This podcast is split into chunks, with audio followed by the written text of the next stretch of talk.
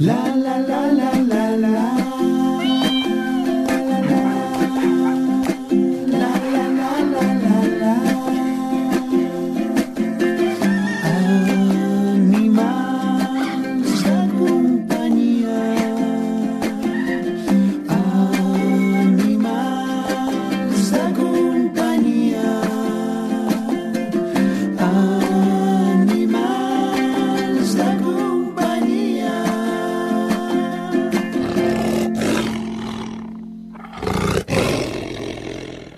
Sabies que existeix una xarxa social pensada per connectar persones que tenen animals de companyia?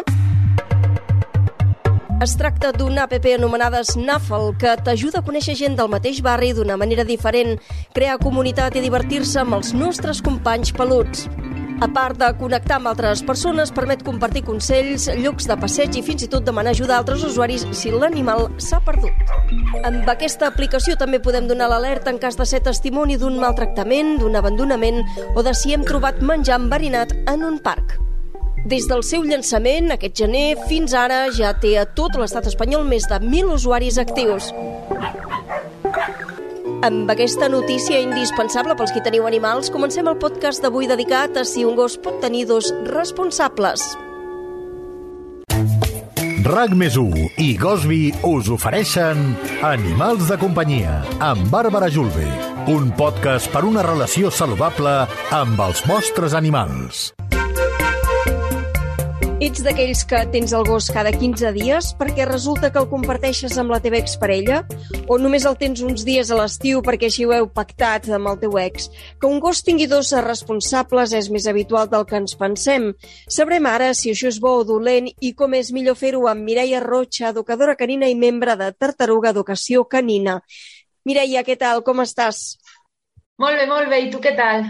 Bé, també, mira aquí a, a preguntant-nos en aquest podcast a veure què, què els hi passa no? en els gossos que tenen més d'un responsable, si això és bo o dolent per ells. Comencem parlant dels inconvenients que això els pot eh, suposar. Tu què creus, com a educadora canina que ets? Doncs, en primer lloc, eh, els canvis. O sigui, qualsevol canvi, tot i que els gossos eh, s'adapten molt ràpid als canvis, està contínuament canviant de casa, d'ambient, d'entorn, pot ser complicat per ell. Sobretot eh, a nivell d'estrès, eh, canvi de rutines, pot suposar pues, un problema a nivell de comportament. Quan parles d'estrès, a què et refereixes exactament? És a dir, què li veurem en un gos que està estressat perquè canvia de responsable? Normalment, quan un gos té estrès, eh, li costa descansar, eh, al carrer té conductes més reactives amb altres gossos o tendeix, per exemple, a mossegar més coses, eh, tendeix a tenir, a tenir conductes que potser no, per a les persones pues, són desagradables o no ens agrada. Per tant, la solució a aquesta problemàtica quina hauria de ser? Eh, algú dels dos s'ha de quedar l'animal? Clar, l'ideal seria que es quedés amb la persona amb la que tingués més vincle o la persona que tingués més temps que dedic per dedicar-li, no?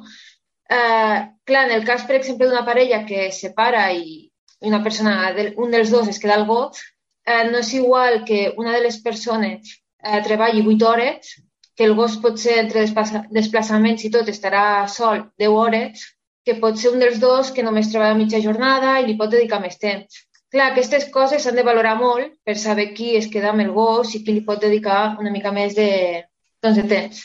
És que no, no sempre és fàcil no, aquesta decisió ja. renunciar-hi perquè tots dos se'l poden estimar, però algun dels dos s'haurà de cedir, no? Clar, això és la part complicada, no? que sobretot quan s'agafa un gos en parella, normalment les dues persones el, el volen i al final doncs, sempre s'estableix no, una relació d'afecte cap al gos. Però, clar, de vegades també s'ha de ser una mica menys egoista, potser, i pensar una mica què és el convenient per al gos. Tot depèn també, perquè, per exemple, un gos adult, potser un gos adult madur, potser té més capacitats i, i més eines com per gestionar els canvis que un gos cadell o un gos ancià, ja que els que necessiten, molt, necessiten més calma que activitat.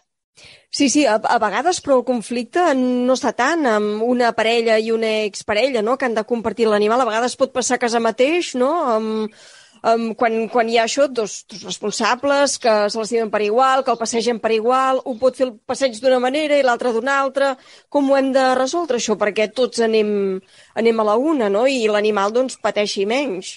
Sí, això és un problema, no? També que, clar, quan arriba un gos a casa jo crec que és important no? establir com unes normes, no? De com, ha de ser, com ha de ser el passeig per a que el gos el pugui gaudir, no? Deixar, deixar que, que olori, que es relacioni amb altres gossos, eh, també donar-li una mica de, quan és possible, en entorns segurs, donar-li una mica de llibertat i soltar la corretja, no? O sigui, s'ha d'arribar una mica com a un terme mig entre tots. Eh, també respectar el seu descans, no? Si, si puja al sofà o no puja. Clar, suposo que són normes que s'han d'establir entre tots, perquè al final, bueno, eh, es tracta de crear una convivència sana en la que tots estiguem, estiguem a gust. Sí, però, per exemple, en el supòsit que estem passejant l'animal i un el deixa anar i el passeja sense corretge i l'altre amb corretge, un és més eh, com que l'estira més i el vol tenir més eh, sota control i l'altre més lliure, això com, com acaba repercutint a l'animal? Clar, també, com acaba repercutint a l'animal i en la parella, eh? Esclar, difícil els dos, sí. Clar, jo també crec que es tracta una mica de ser flexible amb l'altra parella, no? Si l'altra parella té por de soltar el gos, tampoc es tracta d'obligar a dir so, de soltar-lo, no? O sigui, jo crec que es tracta una mica de també de, de que la part humana estigui també còmoda. Llavors, és trobar una mica l'equilibri entre tots. Clar, sí que, per exemple, un tirón de corretja sí que va, intenta no, no fer-lo, no? Però Clar, el, per exemple, el soltar és, una, és un pas important, no? Perquè és depositar la teva confiança en el gos, de que no s'escapi, de, que, de que no faci res, no? Ni molesti o... Llavors, jo crec que s'ha de trobar una mica un terme mig. I en el fet de deixar-lo pujar al sofà, un membre de la parella diu que sí, l'altre que no. Uh, com ho hem de fer? Sí, pactar, no? O que hi pugi o que no, però clar, realment si no ho aconseguim, això confon l'animal o bé l'animal sap que amb la dona, per exemple, sí que pot pujar i amb l'home no, no sé. Jo crec que al final ho saben, eh? perquè al final ells saben, saben no? el que poden demanar cadascú i llavors jo crec que quan, si ell, per exemple, no deixa que es pugi al sofà, no pujarà quan estigui ell, pujarà quan estigui ella. Clar, una altra cosa ja és els conflictes que es puguin generar en la parella amb això, però o sigui, el gos jo crec que és totalment conscient què li pot demanar cadascú. Això sí que, això sí que ho tenen molt clar. I, i el gos també té només uh, un únic referent, és a dir, dels dos o de tots els membres de la família, sempre n'hi ha un que és el que per ell és més el referent de tots? Jo crec que no. Jo crec que quan viuen en un nucli familiar, o sigui, quan han arribat a casa i ja s'han trobat el nucli familiar format, jo crec que al final, o sigui, estableixen el vincle amb, tot, amb tota la família. Però sí que crec que és això, no? que cadascú té com el seu rol. O sigui, el gos potser amb, amb, una, amb una de les persones té com més confiança per, jo que sé, deixar-se curar les ferides, per, dir, per ficar un exemple. Amb altre mm, potser li demana més eh, menjar a la taula. Saps? Agafa com una... Sap a qui demanar-li cada cosa. Sí, això que dius del menjar a taula és veritat. A casa, quan eh, estem tots sopant, la Maia, per exemple, en a mi no se m'acosta tant com amb el, el meu home que li posa doncs, el seu morro en la falda, no? I sí. és curiós perquè sap que no, a través d'ell aconseguirà més menjar que no pas si Exacte. amb mi. Sí, i per exemple, les visites al veterinari sempre hi ha com un membre no, en el que tenen com més confiança, no? Se senten com més protegits i potser se senten més a gust per anar al veterinari o, o les cures, no? Per exemple, en el meu cas, eh, la gossa es deixa curar per mi, ficar-se la pomada si cal o qualsevol cosa, però per la meva parella no. no? O sigui, agafa com aquesta confiança. En canvi, per jugar, potser li demana més a ell que no a mi. I també una altra qüestió, Mireia, i és que eh, hi ha moltes persones que el gos, durant el dia, perquè no es quedi sol, doncs el porten a casa els avis i a la nit doncs, el recullen i el tornen a portar a casa. Això és bo per l'animal o no? Jo crec que si ho agafa com a rutina i a casa, bueno, a la casa dels pares o dels avis, té, o si respecten el seu descans i, i o sigui, i va, i està bé, està a gust, jo crec que no és dolent. Tot i que, cara, s'hauria de veure com afecta els canvis al gos. O sigui, com està en aquella casa el gos, si està a gust, si està inquiet o si, o si realment es passa el dia a do- a dormir. Mireia, també ens podem trobar no, que volem marxar de vacances i en aquest cas, eh, què és el que hem de fer no? amb, el, amb el nostre gos? L'hem de portar a algun familiar que ens el cuidi o és millor que vagi en un, en un centre d'aquests eh, que, que acullen animals? Eh, L'ideal seria que vingués algú a casa, algú conegut, perquè d'aquesta manera el gos no canvia d'entorn i també la persona és algú amb qui, amb qui ja té una relació. Clar, si això no pot ser, eh, una altra opció seria portar el gos a casa d'algú que també conegui, que tingui una relació. Sí que evitaria, eh, per exemple, el tema de residències amb gàbies o coses així, perquè jo crec que en aquest cas sí que pot ser un canvi molt brusc per a l'animal. D'estar a una casa, en un entorn familiar, a trobar-se en, un, en una casa desconeguda dins una gàbia, això sí que li pot provocar molt d'estrès. Llavors, en cas de que no quedi una altra de trobar una residència, jo troba, o sigui, buscaria una que el gos pogués estar com a casa, sense gàbies i que estigués com en família. Perquè qualsevol canvi ja li produeix suficient estrès com que bueno, pues ha de trobar no, la manera de que el canvi sigui el més agradable possible. Doncs queda clar, Mireia, què és el que hem de fer per vacances i per anar acabant ja, tu precisament tens un gos a casa, no? I sou dos responsables. Sí, jo tinc una gosseta de dos anys gairebé i a casa som dos, la meva parella i jo, i els dos som res- responsables d'ella. Sí que, bueno, hem intentat no, trobar com un equilibri, que els dos ens sentim a gust en la seva educació, però sí que, bueno, sempre hi ha no, discrepàncies de l'has pegado un tirón o coses així, però, bueno, clar, al final és trobar no, una mica l'equilibri entre tots. I en el teu cas concretament, Mireia, quan marxeu de vacances, com ho feu? Clar, quan marxem de vacances tenim pensat deixar-li el gos als meus pares, però clar, aquí hi ha un petit problema i és que eh, els meus pares o sigui, li donen de menjar moltíssim. I clar, deixar-li de deixar el gos de vacances amb ell seria que me'l tornessin amb mig quilo més. Vaja. Això també és un problema.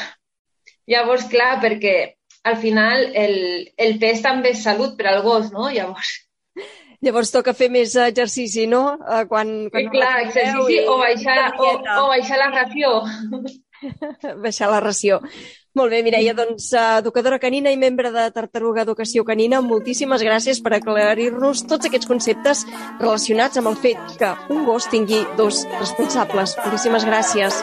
Moltes gràcies. Família, menjar, bon vi, TV3, meteorologia, natura i entre tot això hi trobem la Talis, la gosseta del meteoròleg Francesc Mauri. Els animals l'omplen i especialment els més seniors, els vellets, que de fet així han estat molts dels gossos que han anat agafant i que han tingut fins ara. Ens ho explicarà tot plegat perquè avui ens acompanya el podcast Francesc. Què tal? Com esteu amb la Talis? Molt bé, la veritat, sí, sí, una gossa, eh, 7 quilos i mig, eh, peludeta, molt, molt, molt, molt carinyosa, molt poruga, però molt carinyosa alhora. I, I per què és tan poruga? Què és el que, el, el que li ha passat, vaja? No ho sabem, eh, perquè no, no la coneixíem de petita de petita, va venir de, va venir de la gossera i, i per tant, eh, suposem que els humans eh, no l'havíem tractat molt bé eh, quan nosaltres no la coneixíem. I, I la veritat és que de seguida que, que veu que la persona que té al davant eh, doncs, eh, és de refiar, doncs aleshores carinyosa eh, amb, amb majúscules. I com és que vau eh, decidir eh, adoptar un, un- una gosseta? Tu n'havies eh, tingut molts, no? De gossos especialment sèniors. Com és que vau decidir que la Talis no, entrés a la vostra vida? A veure, en aquest cas sí que és veritat que jo a casa, jo, jo tinc 55 anys i a casa, diguem, dels meus pares eh, mai, mai hi va haver cap gos. Eh? Eh, sí, en canvi, sempre a casa dels avis materns. Allà n'hi havia n'hi va haver diversos i bastants. Eh? I nosaltres, quan dic nosaltres, dic jo i la meva germana, doncs de petits convivíem amb aquests gossos de, dels avis materns. Eh, quan, quan jo em caso amb la meva dona, doncs ella sempre havia tingut gos i, i ella va dir, va, vinga, eh, comencem. I, I a partir d'aquí, doncs, eh, vàrem començar. Eh, I això va ser, doncs, tot just, vàrem casar l'any 94 i va ser tot just jo diria el 95 o, o el 96 i a partir d'aquí sempre aquests gossos de gossera. I per què uh, ballets? Què és el que hi trobeu? Precisament a vegades uh, costa que els més vells surtin de les protectores sí. i necessiten més atenció, no? Com és que a vosaltres us agrada que corrin per casa? Jo, jo diria que no ho sé, la sensació que tinc és que no, que no necessiten precisament més atenció. És a dir, els que demanen més atenció són els joves que, que volen... Sí. Clar, que volen jugar constantment, els has de vigilar molt, controlar molt, i, i en canvi això ja ho teníem amb els nostres fills a, a casa. Vull dir, la distracció aquesta ja la teníem a casa amb els fills. Aleshores, amb els gossos, eh, amb, amb gossos ja sènior, sempre hi hem trobat doncs, aquesta estimació des del segon zero i a més a més, i a més a més, gossos gosses normalment molt, molt tranquils, que sí, que, que acaben tenint algunes dolències, etc etc, però vaja, això ja va, ja va amb el, ja va amb el paquet, eh? Sí. I, I què és allò que us agrada fer amb, amb la Talis? Doncs mira, eh, ens agrada bé, que, sobretot que ens acompanyi absolutament a tot arreu.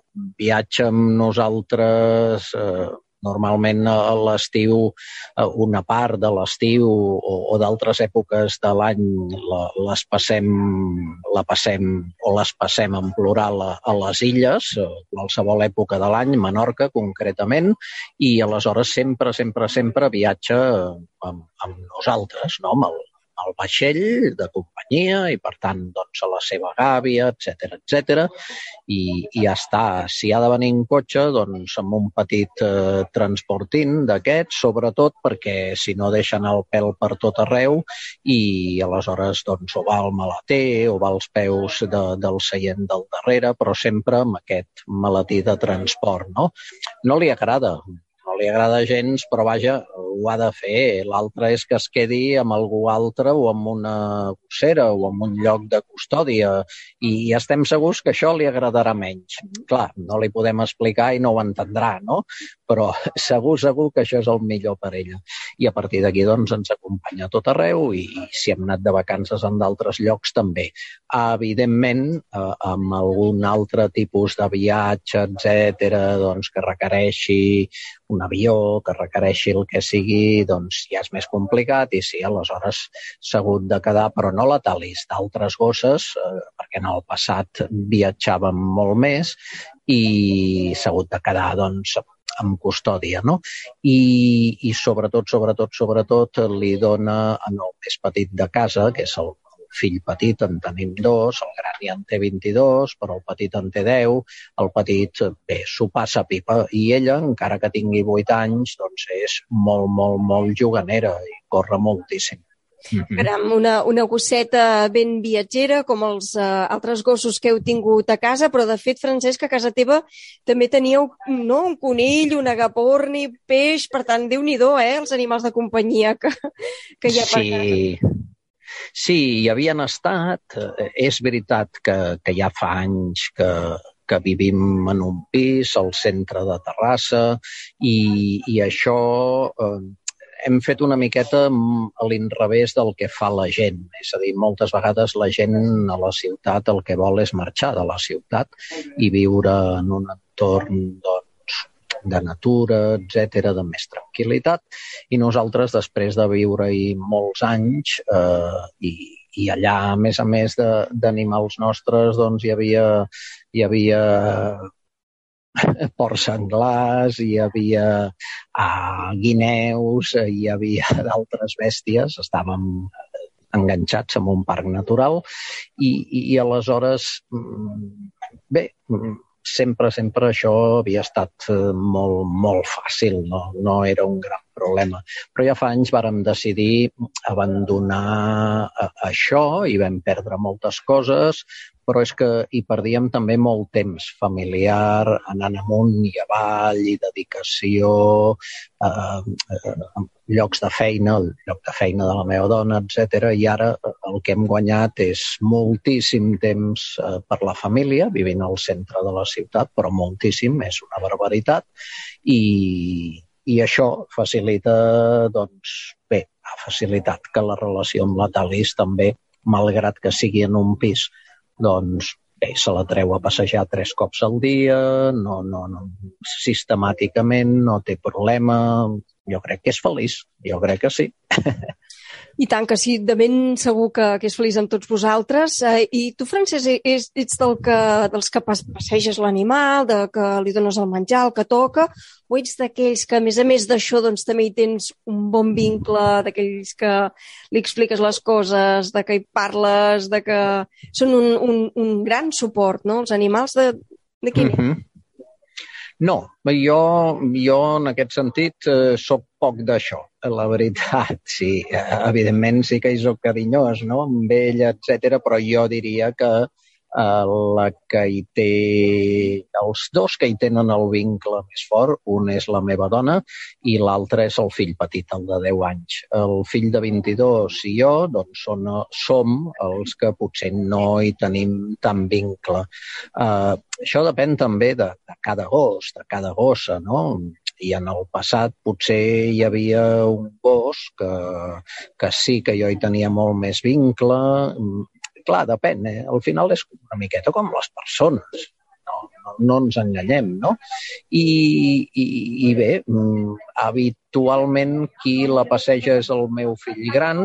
Eh, bé, entre que ha acabat la universitat, va fent algunes hores amb alguna feineta, es prepara amb idiomes, cursos i coses d'aquestes, doncs entremig mm, té aquesta obligació. Quan ell, quan ell no pot, la meva dona o jo. El petit de moment de 10 anys al centre de la ciutat no, ho ha de fer amb nosaltres al costat. I Francesc, què és allò eh, que més et sorprèn de la Talis? Hi ha alguna cosa que faci que, que mira, que t'hagi captivat, que t'agradi? Bé, és, um, a veure, eh, és uh, sobretot això, un, Bé, té, té un parell o tres de coses. Una, que és que sempre corre, eh? corretja llarga i quan pot corre i corre i corre i corre i corre. No? I, bé, eh, alegra, alegra moltíssim, tot i que ja té aquests vuit anys. Però a casa no, és a dir, a casa és, és tranquil·la i si corre és perquè el meu fill petit la fa córrer i l'estimula d'alguna manera però, però també, sobretot, aquesta, uh, aquest carinyo, aquesta fidelitat. Això és, això és potència. Mm -hmm. Si els gossos ho tenen, eh, això, que estan, estan sempre al nostre costat, eh, a les bones, a les males, i ens fan una gran companyia, són un gran recolzament. Sí, no, no, això segur. És a dir, si ella no hi és per alguna qüestió etc. Bé, ha passat doncs, que potser jo, jo he marxat, eh, o jo i la meva dona hem marxat, s'ha quedat el fill gran amb el petit, dos, tres dies, quatre, eh, el que sigui, i aleshores el gos no ve amb tu i notes que falta alguna cosa, no? Sí, mm, sí, sí mm, falta, falta, dius, ui, la família està trencada, no? Exacte, aquí no, falta la Talis, que per cert, Talis, eh, què vol dir exactament? és el nom d'una platja. És el nom, bé, d'un d'un d'un tros de terreny al sud de Menorca i, i d'una platja que és una de les nostres platges preferides i mira, mm, quan la vàrem adoptar en aquell moment eh, s'anaven bastant a aquesta platja i d'altres, i a partir d'aquí, doncs, mira, aquest nom sempre ens havia captivat i bé, li, vam, li vàrem posar, sí, sí, sí. Gràcies, Francesc, per acompanyar-nos avui en el podcast i explicar-nos tot això i més sobre la Talis. No, gràcies a tu i sobretot molta, molta sort en, en aquest format eh, que cada vegada més s'imposa a la ràdio i, i el qual, evidentment, m'estimo molt, perquè fa 10 anys vaig estrenar, doncs, també un podcast, un programa a Catalunya Ràdio, format digital, i, escolta'm, eh, eh, els defenso a mort. Ens estem encantats que hagis participat en el nostre podcast d'Animals de Companyia. Gràcies, Francesc. Una abraçada ben forta. Una abraçada mútua. Adéu-siau. I en aquest tram final del podcast és hora del concurs fotogràfic Gosby RAC1. Tenim amb nosaltres Jordi Gamell, expert en fotografies i xarxes socials. Una setmana més, Jordi, estàs aquí amb nosaltres. Què tal, com ha anat tot? Bones a tothom. Bé, bé, bé, bé, com sempre, intentant de les coses que les coses sempre vagin bé. I de moment, bé. I aquí estem, per triar la foto que cada setmana busquem del vostre animal de companyia. Doncs quina és la fotografia guanyadora, la que s'endú aquest fantàstic lot de productes de Gosby per tu? Bé, aquesta setmana, eh, per la seva persistència, que ens han enviat moltes i moltes fotos, perquè la foto també és molt i molt maca, i perquè a la foto d'en de, Goku, que és com es diu el, el gos, em recorda no sé si heu sigut fans de, de la sèrie de Star Wars, el, els Ewoks, que no arriben a un planeta que hi ha els Ewoks. Sí, doncs en, sí. en Goku en recorda un Ewok. Té un aire, té un aire, i tant que sí. Sí, sí, Bimba i Goku, és veritat, eh? fa molts de dies que participen en tot tipus de fotografies i mira, aquesta que tu et recorda, aquesta figura de Star Wars, doncs eh, és la que s'endú el premi, doncs doncs Jordi, moltíssimes gràcies per la teva selecció, com sempre, imprescindible, indispensable pel concurs de Gosby RAC1. Moltes gràcies a vosaltres i animar-vos a enviar les vostres fotos d'animals de companyia i ja ho veieu, la insistència té premi. Doncs vinga, va, que això no s'atura, Jordi. Moltíssimes gràcies. A reveure. A reveure. La la la la la. RAC més i Gosby us han ofert Animals de companyia amb Bàrbara Julve, un podcast per una relació saludable amb els vostres animals. Sabies que Gosby és la marca catalana per excel·lència en la preparació d'aliments d'alta qualitat per als nostres gats i gossos? Perquè alimentar és una forma d'estimar, Gosby, l'alimentació conscient per als teus gats i gossos. Ens trobaràs en clíniques veterinàries i comerços especialitzats de proximitat. Consulta'ls a gosby.com.